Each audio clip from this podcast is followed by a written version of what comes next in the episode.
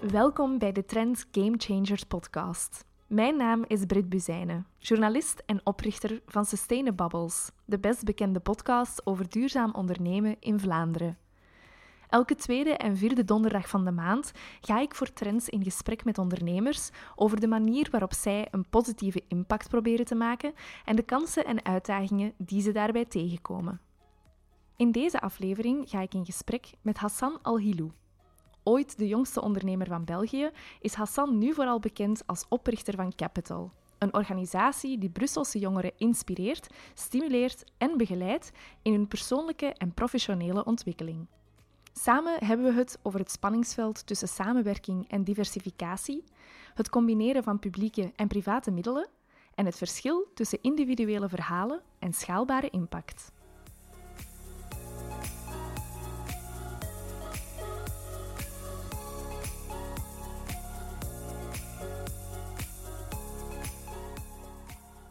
Welkom Hassan, hier in de caravan vanochtend. Dankjewel Britt. Het is altijd aangenaam om in zo'n mooie locatie te zijn. Super fijn dat je helemaal uit het verre Brussel bent afgezakt voor een babbeltje vanochtend. Voor de mensen die dat jou niet kennen, Hassan, jij bent uh, oprichter van Capital VZ2 en daarnaast eigenlijk ook expert diversiteit, inclusieve innovatie en maatschappelijke verandering. Maar laat ons beginnen met Capital. Wat is Capital en wat doen jullie precies? Eigenlijk met Capital zijn wij de Youth Innovation Hub. En dat houdt zich bezig eigenlijk met het creëren van innovatie voor de meest uh, uitdagende maatschappelijke thematieken. Hè? Wel gelinkt aan jeugd. En de reden daarvan is heel simpel, namelijk uh, we merken dat de uitdagingen rond jeugd heel groot zijn de dag van vandaag. En eigenlijk al altijd geweest, maar door COVID is uh, de kloof veel groter geworden. Kijk naar jeugdwerkloosheid, kijk naar schooluitval, kijk naar schoolpresentaties mm -hmm. enzovoort enzovoort. Het zijn echt heel rampzalige cijfers. Niet enkel in een stad zoals Brussel, uh, maar eigenlijk in vele andere steden in België, maar ook rond Europa. Mhm. En dus eigenlijk was de vraag, oké, hoe moeten we dan gaan oplossen, die grote uitdagingen? Want de oplossingen zijn er wel eigenlijk. Er zijn veel organisaties, er zijn veel werken enzovoort die vandaag bestaan, mhm. maar toch lost het die grote cijfers niet op. Mm. En dus dachten we van, oké, innovatie moet daar eigenlijk de oplossing voor uh, zijn. Het creëren van innovatie gericht op scalability, gericht op eigenlijk het massa, uh, enzovoort. Dus dat is eigenlijk wat wij doen. Wij zoeken echt innovatieve diensten en producten om jeugduitdagingen aan te pakken. En dat doen we eigenlijk samen met het privaat en het publiek. Dus okay. dat houdt bezig is eigenlijk, we werken samen met 20 bedrijven, zoals uh, de Colorado, Coca-Cola, Johnson Johnson enzovoort. Dus dat zijn toch wel de grotere uh, namen. En ook met de overheden. En gezamenlijk uh, bouwen we eigenlijk die innovatie. En zo hebben we meerdere programma's. Oké, jullie bouwen die innovatie voor die sociale verandering. Dat klinkt voor mij nog steeds zeer abstract. Wat is het dan precies wat jullie doen? Klopt. Dus eigenlijk uh, wat wij doen binnen uh, het organisatie is, we zoeken per jaar naar vier nieuwe projecten eigenlijk, vier nieuwe okay. innovaties die we creëren. Mm -hmm. En dan analyseren we het van, oké, okay, wordt het gewoon een eenmalig project, hè, namelijk het experiment, of gaan we dat ook programmeren? We gaan er echt een programma van maken. Okay. En dus we hebben vandaag eigenlijk al reeds meerdere programma's echt op de markt. Uh, de meest bekende is JobX. Mm -hmm. En de JobX is eigenlijk een hoogtechnologische tentoonstelling waar we dan met behulp van technologieën zoals hologrammen, augmented reality, virtual reality enzovoort ervoor zorgen dat we honderd beroepen kunnen tonen aan okay. duizenden jongeren. Okay. De reden waarom wij dan eigenlijk die technologieën gebruiken is uh, veelzijdig. Een ervan is wegens de pedagogische inclusie erachter. Okay. Namelijk, uh, vele kwetsbare jongeren zijn vandaag niet in staat om in fysieke gesprek te gaan met een medewerker van een bedrijf om te praten over zijn of haar job omdat ze gewoon die sociale capaciteit niet hebben. Mm, hè? Okay. Um, en dus eigenlijk wat we hebben gedaan is honderd uh, verschillende getuigenissen van werknemers opnemen rond hun beroep, rond hun studies enzovoort. En dus dan merk je eigenlijk dat het uh, resultaat is dat ze met veel meer uh, wisdom, uh, dus met veel meer kennis eigenlijk uh, naar buiten gaan dan als ze naar een fysieke beurs gaan over het arbeidsmarkt bijvoorbeeld op LinkedIn las ik dat jullie baseline is building a society in which every youngster can fully flourish. Ja. Maar ik las ook uh, dat bijvoorbeeld financiële onafhankelijkheid een heel belangrijke rol speelt. Dus hoe, Akkoord. hoe definieer jij dat precies? De heel weg? mooi. Ja, dat is eigenlijk uh, tweezijdig. Okay. Enerzijds is het focus van ons dat elk jongere gewoon het meest uit zichzelf kan halen. Oké. Okay. Hè? Dus waar die oprecht zijn talent zo sterk mogelijk naar voren kan schuiven. hè? Mhm. Natuurlijk met als eindmeter dat hij financieel zelfstandig wordt met dit talent. En dat betekent dat hij of het werk kan vinden, of zijn onderneming bouwt, of iets of ander, maar die moet wel financieel zelfstandig zijn. Mhm. Waarom? Omdat we vandaag de dag, en dat is ook opnieuw wanneer het te laat is, wensen we mensen gewoon tot het arbeidsmarkt te brengen. Mm. Ongeacht wat het arbeidsmarkt is, mm ongeacht welk job het is. Hè? You just need a job. Hè? Mhm. Or you just need to work. Hè? Mhm. Dat is echt de statement die we maken. Waar we zeggen van, ja, maar een jongere die gewoon need to work, uh, hoe sustainable is het? Hè? Om cijfers tonen aan, niet heel veel jongeren die gewoon tot een job brengt, omdat hij gewoon moet werken. Mhm. ja, binnen de jaar vertrekt hij van de job. Waarom? Want het is gewoon niet duurzaam, het is geen passie. En dus daarom zeggen wij, we moeten preventief eerst de jongeren hun talent echt laten vinden. Mhm. Zien van wat ze oprecht goed en leuk vinden. Hun laten realiseren wat het markt is. Hè? En dan pas tot die markt brengen. Mhm. Waardoor we geloven, door zo preventief erop, ermee bezig te zijn, dat ze eigenlijk veel duurzamer op de arbeidsmarkt blijven of met hun onderneming. En zo hebben we ook al uh, mede-ondernemers, al zeggen we het een beetje in het uh, commerciële term, maar geproduceerd okay. uh, binnen Capital. Jonge talenten, Brusselaars, die gewoon zeiden we willen ondernemer worden en mhm. nu hun onderneming aan het leiden zijn. Oké, okay, dus fantastisch. ik zie je glunderen terwijl dat je dat zegt. ja, ik denk, ik denk als je binnen die sector werkt, is het mooiste reward dat je krijgt, is het succes van jongeren zien groeien en mhm. bloeien. Mhm. Ehm, en, en achter elk van die gezicht is een zo'n diepe verhaal mhm. van mensen of jongeren die oprecht diepe wanhoop hebben in het maatschappij, in hun leven, binnen hun familie, veel problemen, geweld enzovoort. En waar wij dan zeggen, oké, en nu gaan we je ondersteunen en nu gaan we ervoor zorgen dat je toch jezelf kan, kunt zijn. Het is zelfs niet je toekomstbeeld kunnen worden. Nee, jezelf gewoon kunnen zijn. En ja, als je dat kan realiseren, is dat toch het mooiste wat je creëert. Absoluut. Ik denk ook dat dat iets is waar veel mensen in de jeugdwerking drijft en waar ze misschien ook niet toe komen, omdat er altijd te weinig tijd en te veel druk is. Je zei daarnet ook al, er is heel veel fragmentatie van het werk. Het is niet altijd zo'n dankbare job, hè, jeugdwerking. Hoe doe jij dat anders? Of hoe kom jij daar dan wel toe van die vruchten van jouw werk, van daar zo van te kunnen genieten, zeg maar? Ik denk omdat wij uh, al vanaf het begin anders keken okay. uh, naar jeugdimpact. Uh, zoals ik zei in het begin, wij zijn meer een Youth Innovation Hub. Dus mm -hmm. we zijn meer een laboratorium die echt met innovatie bezig is. Die ervoor waakt dat we vernieuwingen kunnen creëren enzovoort. Hè? Mm -hmm. Wat zorgt dat we echt wel die commercial way of working hebben. Ook echt als je nu binnenkomt bij ons, een paar meetings bijwoont. Het is heel, heel privaat, laten we mhm. zeggen. We hebben mhm. echt verschillende structuren en systemen om efficiëntie te bouwen in meetings enzovoort. Okay. Het is gewoon echt heel corporate gelinkt eigenlijk. Um, en dus dan heb je die hele corporate vreugde enerzijds van, oh wow, we zijn iets heel uh, kwaliteitsvol aan het ontwikkelen. Maar anderzijds komt er dan die impact en de jongeren mm. ertussen. En dus dat zorgt echt wel uh, dat, dat het voor ons meer is dan gewoon op het straat rondwandelen en gesprekken voeren. Nee, we zijn mm. bezig met een bigger mission, weet je. Mhm. We zijn echt met iets groots bezig. Mhm. Ook het feit, bij ons gaat het ook eerlijk gezegd niet om die individuele verhalen. Wij focussen ons echt op massa. Wat betekent dus, hoe zorgen we dat we die duizenden jongeren gaan kunnen ondersteunen ooit. Mhm. Dat is onze doel. Duizenden jongeren ondersteunen. Mhm. Niet die ene mooie verhaal die ik even kan vertellen, of die twee of de drie. Nee, die duizenden. Mhm. Waardoor op een moment gewoon met cijfers komen en niet meer met verhalen. Natuurlijk, achter elk cijfer is er een verhaal. En daarom komen wij zo met storytelling en die verhaaltjes enzovoort. Omdat vele jongeren gewoon nog niet weten wat het allemaal inhoudt. Oké.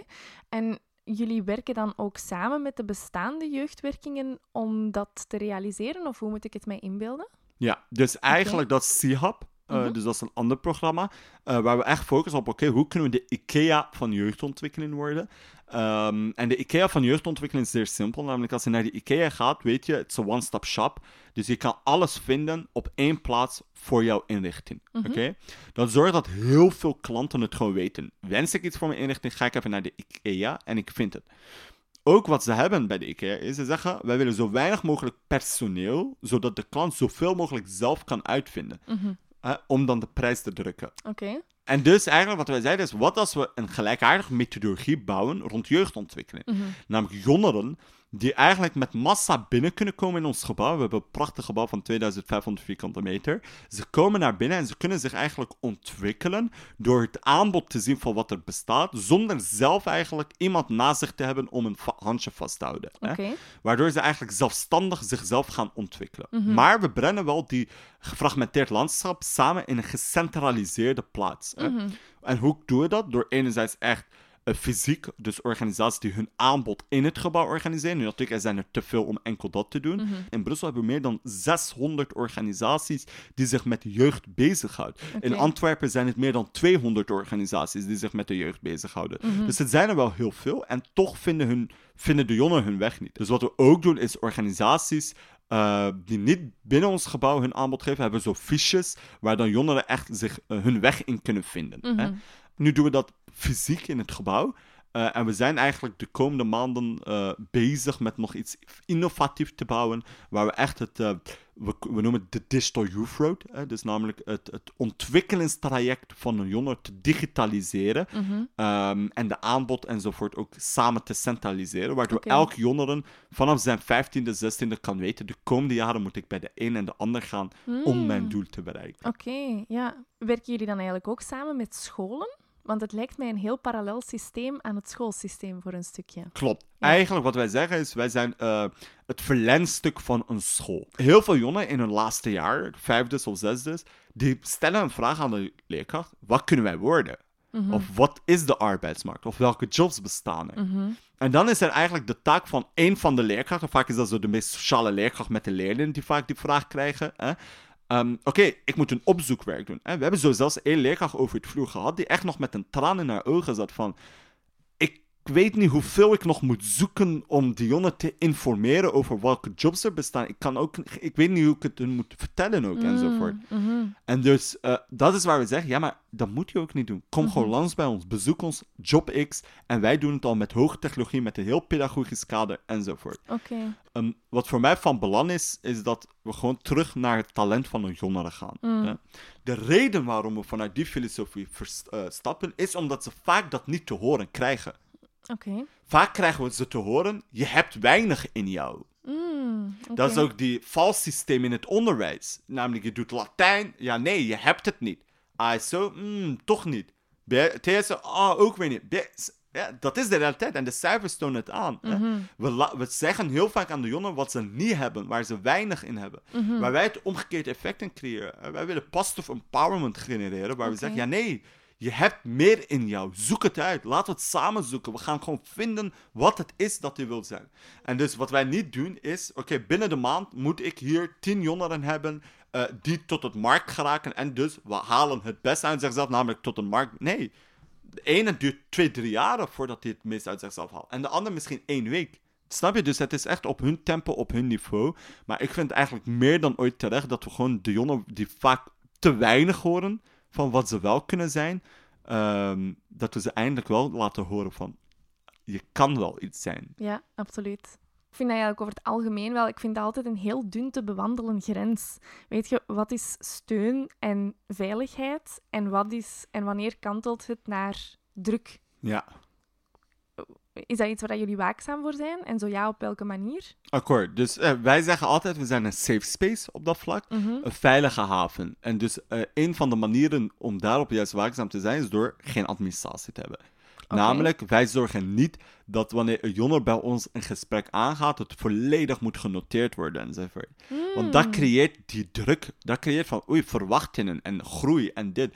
Nee, wij zijn opnieuw de IKEA. De jonger gaat zelfstandig zich ontwikkelen. Mhm. Pas wanneer die om hulp vraagt, gaan we een van onze jeugdwerkers erop gooien. Hè? Mhm. En dus eigenlijk dat zorgt dat, we ze, dat ze weinig druk hebben, is omdat ze beseffen dat ze de vrijheid hebben om gewoon zelf zich te ontwikkelen. Mm. En dat ze gewoon de juiste kader hebben daarvoor. Mhm. Het klopt dat opnieuw er een jongeren um, met wie werken, de kwetsbaren, vaak door omstandigheden het oprecht moeilijk hebben in vele zaken. Mhm. Wetenschappelijk onderzoek toont aan want dat je toevallig met een diverse naam gewoon minder kansen hebt op de een of de ander natuurlijk, de vraag is: oké, hoe gaan we daarmee om? Mm. Gaan we daarmee om door de structuur te veranderen? Of gaan we daarmee om door een massa groepen te bouwen en te ontwikkelen die eigenlijk in het structuur gaan en van binnenuit de evolutie kunnen bouwen en genereren. Mhm. En ik geloof in het en-en. Ik geloof in instituten en we werken ook samen met zulke instellingen enzovoort die het structuur wensen te evalueren. Mhm. Die echt zeggen van ja, nee, er zijn policies die moeten gebouwd worden, hè, beleid in politiek, in bedrijven enzovoort. Er zijn strategieën die ontwikkeld moeten worden en we moeten budgetten aan de kant geschoven worden enzovoort. En die steunen we ook. Hè? En we zijn ook zelf lobbyisten eigenlijk. Hè? Mhm. Wij lobbyen op heel veel vlakken met de politiek enzovoort om een meer uh, rechtvaardigere structuur te genereren, waardoor elk talent zich kan ontwikkelen. Mhm. En dan aan de andere zijde, onze grootste focus is om die massa te genereren. Mhm. Namelijk die duizenden jongen die ooit hun plaats in die wereld gaat vinden. Mhm. Dus het is niet een of-verhaal, het is een en-verhaal. Oké. Ehm, ik ga misschien een beetje een gevaarlijke vraag stellen, maar ik hoor dan wel eens, voornamelijk helaas in witte kringen, Um, van ja, dat is allemaal wel waar, uh, of dat kan wel, hè, dat er minder kansen zijn, of dat de statistieken dat zeggen. Maar kijk, Hassan Al-Gilou bijvoorbeeld, die doet het toch ook maar. Of hè, er worden dan zo van die boegbeelden uit de media of whatever gehaald om aan te tonen van, zie je, het gaat best wel goed met onze diversiteit en onze inclusie. Hoe, kijk, hoe beleef jij dat vanuit jouw standpunt?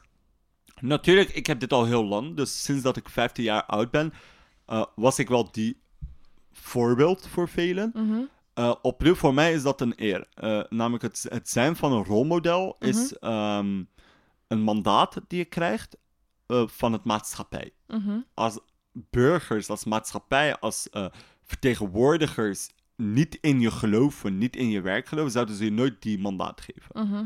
Natuurlijk, ik ben gewoon wie ik ben. Mhm. En door vele redenen ben ik geworden wie ik ook ben. Mhm. Het is oprecht momenten in het leven die het maken en breken. Ik had um, uh, uh, een week of twee geleden nog zo een, een jonge gast die is gekomen even met zijn moeder.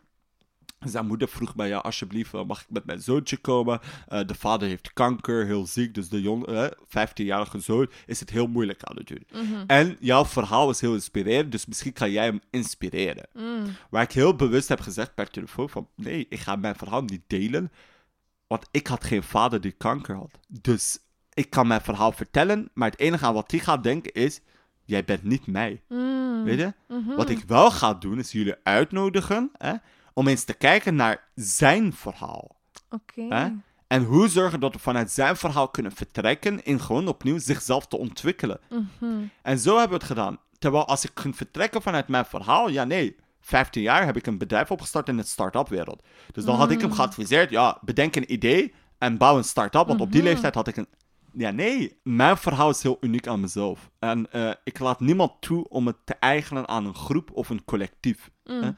Wat ik wel altijd zeg is van oké, en wat kunnen we eraan doen om meer uh, ervoor te zorgen dat gewoon meer schone verhalen ontstaan mm, hè, in, mm-hmm. in het maatschappij. En daarmee bedoel ik niet individuen, daarmee bedoel ik opnieuw cijfers, schonere cijfers ontwikkelen. Ervoor zorgen dat er minder uh, kwetsbaren uit het onderwijs vallen. Mm-hmm. We hebben in Brussel uh, 11% van de jongeren die zelfs een middelbare diploma niet halen. Wow. Dat is gigantisch. Mm-hmm. 10% van de jongeren behoort tot de niets-categorie, not in employment education training. Weet, dat zijn gigantische cijfers. Hè? We hebben meer dan uh, eh, 23% jeugdwerkloosheid in Brussel. Wow. En dus het is meer dan ooit om niet naar die unieke verhalen te luisteren van wie het wel goed doet. Nee, laten we gewoon kijken naar gewoon het feit dat we het allemaal allen samen heel slecht doen eigenlijk op dat vlak. En we moeten gewoon kijken naar hoe we het gezamenlijk collectief beter gaan doen. Mhm. Je hebt het al een aantal keer gezegd. Samenwerking is iets superbelangrijk. Um, hoe komt het dat niemand nog niet op de idee is gekomen om die 600 bijvoorbeeld uh, jeugdwerkinstellingen of 200 in Antwerpen um, samen te brengen en samen aan hetzelfde zeil te trekken? Hoe komt het dat jij de eerste bent die dat, dat met zoveel succes doet? Ik ben totaal niet de eerste. Oké. Wat betekent dat ik geloof in een maatschappij en een wereld dat er velen hetzelfde idee hebben. Mm maar het is de moment dat je de keuze maakt om de stap vooruit te zetten, die het maakt dat je het aan het bouwen bent. Mm. Dus ik denk oprecht velen zitten met die ideeën, oprecht velen willen het doen, mhm. maar er zijn heel veel factoren aangelinkt. Oké. Een voorbeeld, politiek. Mhm. Politiek, wanneer je binnengaat en je zegt, ik heb deze idee, en het mhm. is een topidee, vaak is hun eerste antwoord, wat is het verschil tussen u en de ander? Ze gaan nooit zeggen, we gaan je samenbrengen. Mm. Of ah, misschien bent u de toegevoegde waarde voor de ander. Mhm. Nee, wat is het verschil tussen jullie? Mhm. En dan ga jij beginnen zoeken. Oh ja, maar die, hè, die bereiken niet deze jongeren, hè. Terwijl wij dat wel doen, hè. En, en je begint al een muur te bouwen. In plaats van bruggen te bouwen. Want we hebben een gezamenlijke doel. En dat is een schonere maatschappij ontwikkelen voor de jongeren. Waar ze zichzelf in kunnen ontwikkelen. Hè? Terwijl wij vanaf het begin hebben gezegd. Ja, nee, onze doel is om meer aan co-creatie te doen. Mhm. En de reden hoe we dat konden doen is door privaat middelen te hebben voor de meerderheid van onze centen. Want als we hmm. van de politiek, en we hebben ook centen van de politiek, maar dat is vaak heel projectmatig gelinkt. Hè? Uh, terwijl dit is meer een dream. Hè? Je hebt een droom die je wilt realiseren, zonder iets concreets erbij. Hè? Mhm. En dus dat is het geluk van private uh, middelen die we hebben, is die zorgt dat je meer de droom kan realiseren dan de day-to-day work. En waar je bij de day-to-day work meer vijanden bouwt en meer concurrentie, terwijl bij de dream creëer je meer die cohesie en die mhm. collaboration. Oké je zegt van in de politiek hè, wordt er meteen gevraagd hoe ben je anders dan de ander. Maar eigenlijk zien we dat op heel veel niveaus, denk ik. Ik denk ook als je een onderneming start, um, het maakt niet uit of, of er mensen zijn die hetzelfde doen, als je het maar anders doet. Zolang je jezelf maar differentieert. Die nood tot differentiatie zit, denk ik, heel diep geworteld in heel ons maatschappelijk discours. Hè? Akkoord, dat is natuurlijk de old economy. Mhm. Eh, het oude economie dat zo werkt, waar ik, ik heb zelf ook gestudeerd in innovation management. Mhm. Dus uh, ik ben meer gepassioneerd in die wereld. Mhm. Eh, de nieuwe economie is juist meer deze die uh, focus on co-creation for scalability. Okay. Waar we geloven in de maatschappelijke sector dat die beweging nog gezet moet worden. En ik noem dat ook een beetje de youth shot. Namelijk, dat komt uit de moonshot mm van Kennedy. Mhm. Waar die zei, we gaan de public en de private samen laten komen in co-creatie, waar ieder het beste uit zichzelf haalt, hè, mhm. qua product, qua dienst enzovoort, om een gezamenlijke doel te halen. Natuurlijk, om die visie te bouwen, om die droom te realiseren, moet je al een geschiedenis hebben die daaraan heeft bijgedragen. Namelijk een netwerk van vele bedrijven mhm. die je daarin willen ondersteunen. Een netwerk van vele organisaties die in je geloven. Weet je, dus daarom, wanneer de vraag wordt gesteld, hm, het is eigenlijk zo simpel, waarom heeft niemand het ooit gedaan? Ja, maar ik ben al acht jaar bezig met het bouwen van een netwerk in mm. beide werelden. Mm. En toevallig heb ik het nu samen kunnen laten komen mm. om een doel te bereiken. Mm-hmm. En dus opnieuw, ieder heeft zijn manier en verhaal dat zorgt dat die micro-injecties realiseren wat hij wenst te realiseren. Mm-hmm. En laten we eerlijk zijn, het is ook gewoon veel werken. en, dat probeer ik ook echt wel aan velen te zeggen. En mhm. vooral vele jongeren. Van, verwacht niet dat het uit het niets is gekomen. Ik heb heel vaak activiteiten met vrienden gewoon geannuleerd of niet geweest, mhm. jarenlang. Mhm. Omdat ik een plan had, omdat ik een droom had. Hè. Ik heb die weg gekozen. Uh, en ik ben er blij om en ik ben er dankbaar om dat ik die weg heb gekozen. Maar het is niet vanzelf gekomen, dat mhm. helemaal niet. Nee, nee, zeker niet. Dat, uh, maar ik hoor het u graag zeggen, want ik denk dat dat te vaak als evidentie wordt genomen, inderdaad. Um, Vooral bij de jongeren. Ja? Vooral bij de jongeren. Jongeren denken echt dat... Uh, we leven echt in een fast-track generation of zoiets. Een, een heel snelle content-generatie die gewoon constant eigenlijk korte beelden zien. Mm. En vaak is het beelden van de succes. En dus zij mhm. zien enkel dat. Namelijk zo van die mensen, makelaars, die mhm. toevallig in 10 seconden een huis van 20 miljoen dollar aan het verkopen zijn. Mhm. En dat is wat ze zien. En dus dan denken ze, ah, maar ik wil makelaar worden. Waarom? Ja, die gast heeft uh, voor 20 miljoen dollar een huis verkocht. Die heeft een zotte commissie. Mm. Mensen, het is niet vanzelf gekomen, hè, die huis. Ik, snap je? Maar dus dat is eigenlijk um, die stappen die velen niet zien, waardoor ik wel denk, en de verwachtingen die ze bouwen, lonen. Weet je hoeveel jongeren? Ik denk, wij zijn meer bezig qua tijd, qua gesprek met de jongeren over lonen, dan over ontwikkelen. Oh. Namelijk jongeren, wanneer je ze zegt, jouw eerste job is een loon van x duizend euro netto. Mm En waar ze gewoon naar je kijken van, ik ga dat nooit doen. Mm. Waar je dan zegt, ja, maar we hebben jou zitten ontwikkelen, maar dit is de eindmeet, hè? Maar je begint en je hebt een carrière.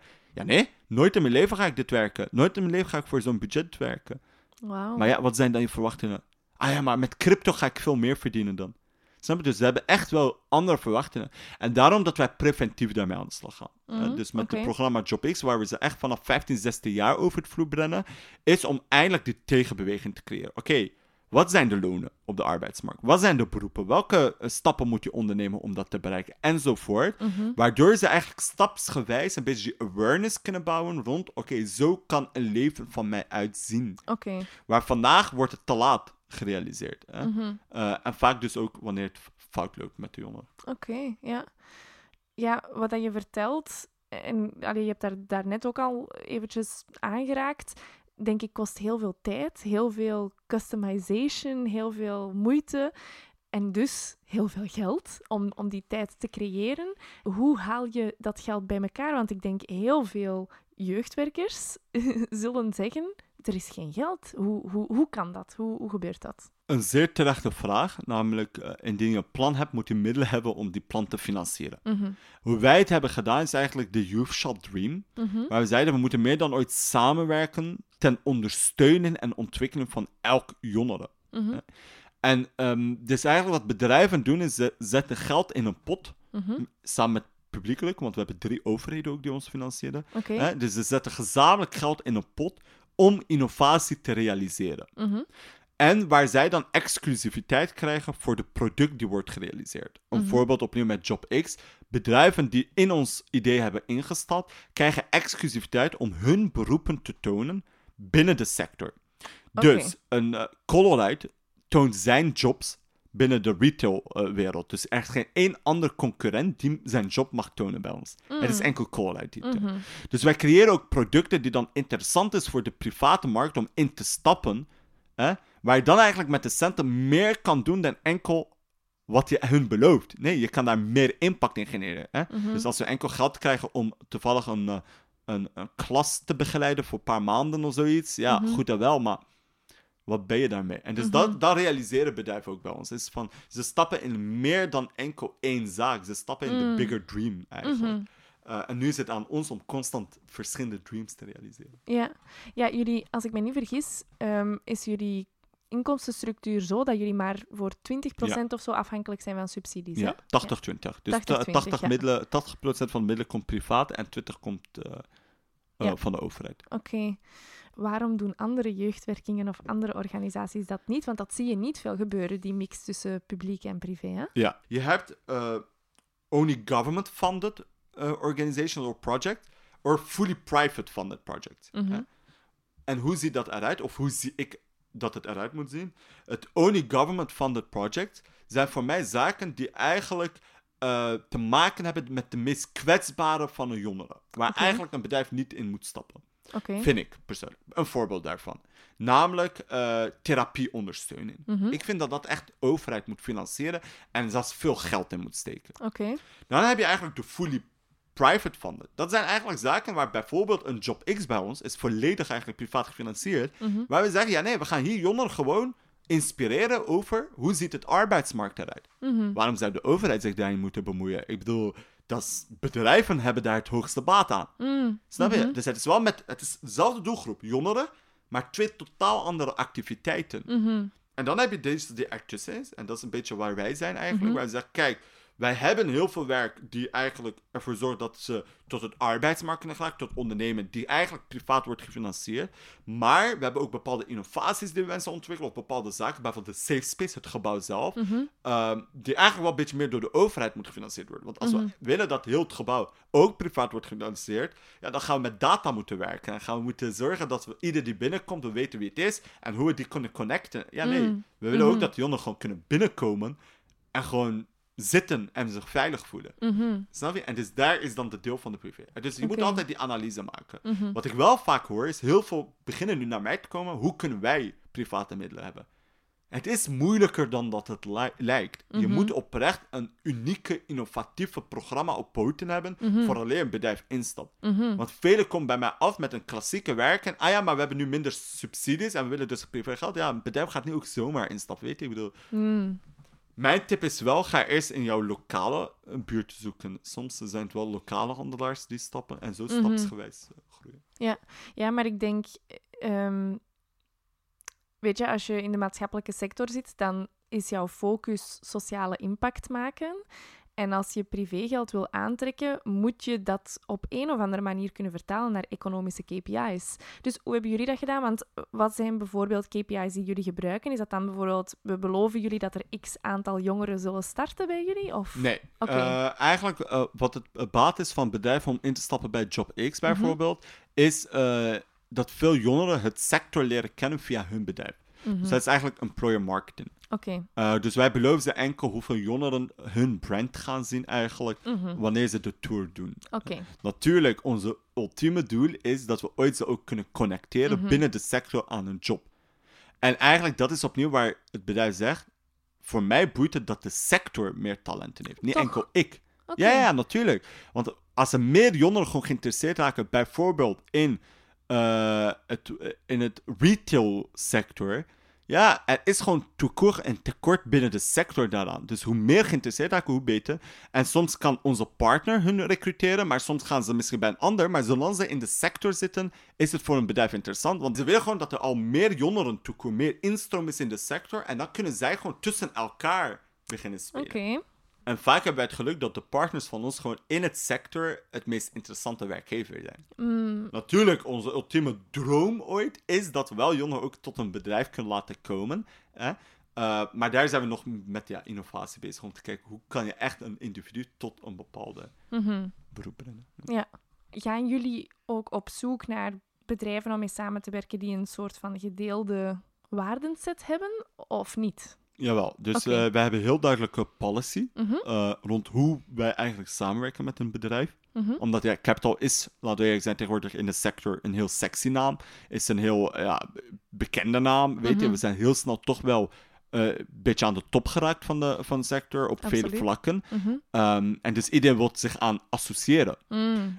En dus we hebben heel veel eh, bepaalde zaken die we naar voren schuiven. Ja, je hebt de klassieke, eh, een wapenbedrijf gaat niet bij ons langskomen. En een sigarettenbedrijf gaat niet bij ons langskomen. Enzovoort. Okay. Uh, wat we ook doen is soms uh, kijken naar, oké, de partners van ons, hebben ze oprecht opportuniteiten die we dan kunnen linken? Want je hebt soms bedrijven die gewoon, um, ja, even een mooie brandmarketing willen creëren. Maar aan het eind van de dag, wanneer je vraagt, oké, maar we hebben jongen die bij jou aan de slag willen. Ah ja, maar we hebben hier niks. Mm. Wat we ook doen, is dat zij zich eigenlijk uh, moeten uh, toe-eigenen aan uh, wat we noemen de Capital Academy for Urban Studies. Mm -hmm. Dat betekent dat hun werknemers moeten meerdere workshops en lezingen per jaar volgen mm -hmm. rond thematieken die wij van belang vinden voor de jongeren, waar bedrijven meer dan ooit op de hoogte van moeten zijn. Okay. Dat zijn bijvoorbeeld lezingen rond discriminatie op het werkvloer.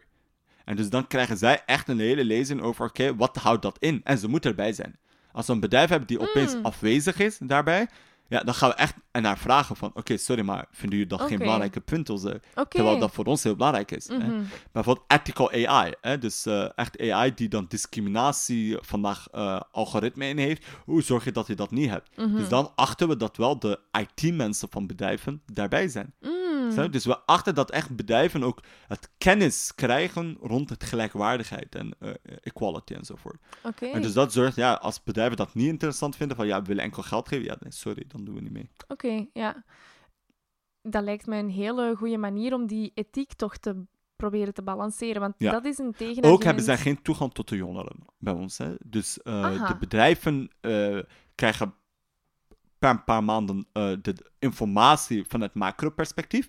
Mm -hmm. Over wat we hebben gerealiseerd, wie en wat en bla bla bla. Maar ze hebben geen micro-toegang. Dus uh, okay. zij weten niet welke jongere toevallig interesse heeft in hun bedrijf of in mm. hun sector. Het is echt uh, uh, altijd via ons dat het moet gebeuren en anoniem enzovoort. Mm -hmm. Dus de Mhm. jongeren worden ook heel hard beschermd. En again, daar moeten bedrijven ook realiseren van. Ja, verwacht niet dat hij bij ons binnenkomt en toevallig duizenden namen op jouw lijst krijgt. Mm. Natuurlijk, we gaan ook altijd in discussie Mhm. uh, met de partners. We gaan echt gesprekken aangaan. We gaan zoeken naar what's the way in it uh, to work together. Mhm. Maar op het moment dat we realiseren, het is oprecht geen manier om vooruit te gaan samen, uh, dan laten we het ook weten. Mhm.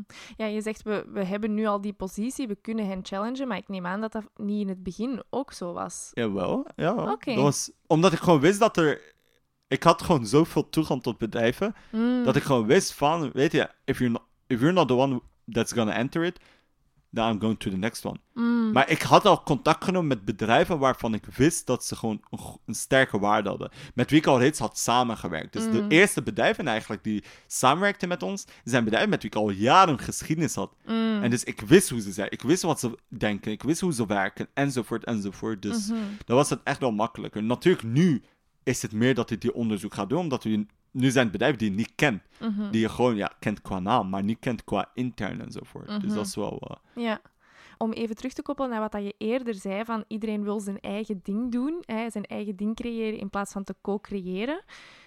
Er wordt altijd gezegd, er is te weinig geld.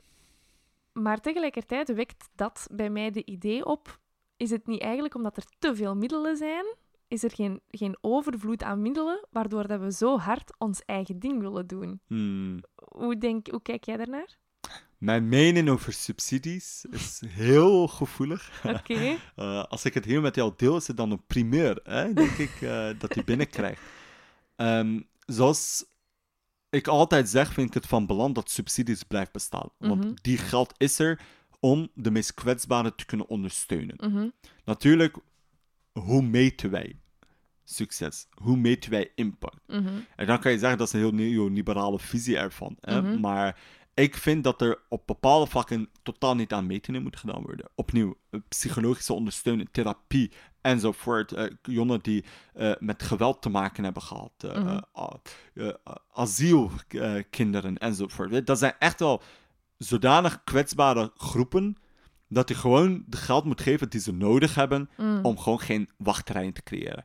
Want we zijn er als maatschappij voor de meest kwetsbaren. En daar moeten we altijd in blijven geloven. Natuurlijk, op een moment moet je zeggen: oké, maar er zijn werken uh, waar je gewoon oprecht geld aan het geven bent om impact te bouwen. En dat is vaak heel duidelijk. Namelijk, als jouw taak is van ik wens jongeren een heel leuk moment te geven. Hè, uh, en de reden erachter is zodat ze hun middelbaar afmaken.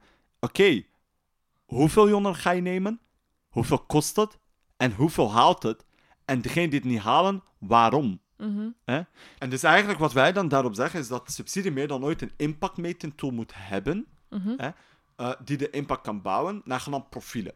Okay. En daarmee zijn wij met Capital ook bezig. We hebben nu vier profielen geïdentificeerd en we willen het nog veel gedetailleerder. Maar dus je hebt een profiel van enerzijds uh, de jongeren die hun middelbaar niet afmaken. Uh, Jongeren die hun middelbaar afmaken, mhm. niet wensen verder studeren. Jongeren die hun middelbaar afmaken, verder wensen studeren, korte opleiding. Jongeren die hun middelbaar afmaken, verder wensen studeren, lange opleiding. Dus we hebben al vier profielen. En we weten, om de eerste profiel tot financieel zelfstandigheid te begeleiden, gaat het veel meer kosten, gaat het veel meer energie verrijzen, dan mhm. om de vierde profiel tot de arbeidsmarkt te bereiken. Mhm. En dus zo moeten we meer dan ooit. Waar vandaag wordt meten vooral gemaakt op individu hoeveel jongeren bereiken? Mm. Hoeveel jongeren heb je? Uh, uh, ja, maar wie is die jongeren, is vooral de mhm. vraag. Vooral in een wereld waar we met AI zitten, artificiële intelligentie, mm. blockchain enzovoort, kan je oprecht heel veel data binnenbrengen, mhm. om dan te koppelen aan centen, financiën en zo de resultaten uithalen. Dus we kunnen niet zeggen dat we vandaag geen impact kunnen meten. We kunnen. natuurlijk niet op alles. Hè. Aan het eind van de dag, vooral in een sector waar je met jeugd bezig bent en de kwetsbaarheid, er zijn vaak gevoeligheden die je niet gaat kunnen meten. Mm. Maar toch zijn er al veel data's die je kan binnenhalen hè, en in een soort metingsstelsel zetten. Om te zorgen dat ieder die sterk is in zijn werken, gewoon kan groeien in zijn werken. Mhm. Waar vandaag sociaal ondernemen zelden kunnen groeien, omdat ze gewoon blijven liggen aan uh, een structuur van we did already achieve like the most of the money, weet je. Um, Wat bedoel je daar precies? Namelijk heel veel vandaag uh, werkenden, heel mooi sociaal ondernemen, die ook private middelen hebben, uh, kunnen moeilijk groter worden, terwijl hun impact wel wordt bewezen, mhm. omdat er gewoon geen geld meer in de markt is. Mhm. Om te groeien. Terwijl hun impact gewoon kan aantonen dat ze goed bezig zijn. Mhm. Maar waarom zeg je geld? Is omdat er op foute manieren geld wordt gegeven aan organisaties die totaal geen impact aan het bouwen zijn, maar die wel goed zijn in het schrijven enzovoort daarvan. Mm En dus daar moet er meer dan ooit uh, impactmeting in gecreëerd worden. Nu, wat het uitdaging is die we rond ons zien, is dat vandaag ieder zijn eigen metentool aan het bouwen is. Mm. Je hebt vele instellingen, vele universiteiten, bedrijven, multinationals, die hun eigen metentools aan het bouwen zijn. Mhm. Waardoor je dan zegt van, oké, maar which one are we gonna use? En dus mm. ik hoop somehow dat er zo ene centrale, heel deep dived metentool zal gecreëerd worden, waar we allemaal op in kunnen. Een soort like Facebook of impact measurement of zoiets. Mhm. Ehm, Want anders gaat het heel moeilijk zijn. Want bijvoorbeeld, wij werken met bijna 20 bedrijven. Als ieder van hun zijn eigen impactmeter gaat creëren, ja, bereken dat dan maar, weet je? Dat is moeilijk. Opnieuw die collaboratie en die coördinatie boven. Je hebt daarnet ook al even gezegd, ik wil niet, of er zijn twee manieren om die sociale verandering te creëren. Enerzijds het systeem aanpakken, anderzijds ervoor zorgen dat je zoveel mensen, zoveel profielen eigenlijk in dat systeem zit, dat je dat van binnenuit kan, kan creëren, waar dat jij dan voornamelijk op inzet. Wat is de moonshot? Wat is, wat is de droom? Hoe ziet de maatschappij eruit waar, waar jij van droomt? Mijn ultieme droom is dat we in het begin met Brussel vooral, mijn mhm. eigen hoofdstad, uh, een droom kunnen bouwen van richting 0% jeugdwerkloosheid gaan. Oké. Eh, omdat ik vind dat elk jongere, want we spreken over jongeren onder 25 jaar, wel de mogelijkheid zou moeten hebben om zijn eigen leven te bouwen. Mm Kan gaan op de arbeidsmarkt, kan gaan in ondernemers, ieder wat. Maar ieder jongen zou het potentieel moeten hebben om zichzelf te kunnen zijn en te ontwikkelen naar wat hij wilt worden. Mhm. Dus dat is mijn ultieme droom. Anderzijds is gewoon leverage en impact. Uh, een voorbeeld daarvan is JobX, uh, die we vandaag in Brussel heel succesvol hebben gelanceerd. Ja, daar wil ik nog meer impact. En dat hoeft niet enkel in Brussel, dat kan ook buiten Brussel zijn. Oké, ik ben heel benieuwd om te zien hoe dat je dat verder gaat genereren. Heel erg bedankt voor het gesprek vandaag. Um, ik zou zeggen, heel veel succes. En wij komen elkaar ontegensprekelijk nog tegen. Dankjewel, Britt. En uh, aan de luisteraars, bedankt om te Absoluut, ik zou het zelf niet beter kunnen zeggen. Bedankt voor het luisteren. Vergeet zeker niet om je te abonneren op de podcast via je favoriete podcastkanaal. En of je te abonneren op onze nieuwsbrief, want daarmee krijg je telkens een seintje als er een nieuwe aflevering online staat. Daarnaast heb je feedback, vragen of suggesties over deze of een andere aflevering, dan mag je het mij zeker laten weten via mail of social media. Op LinkedIn vind je ons onder de naam Sustainabubbles en op Instagram onder Sustainabritly. Alleszins graag tot de volgende aflevering.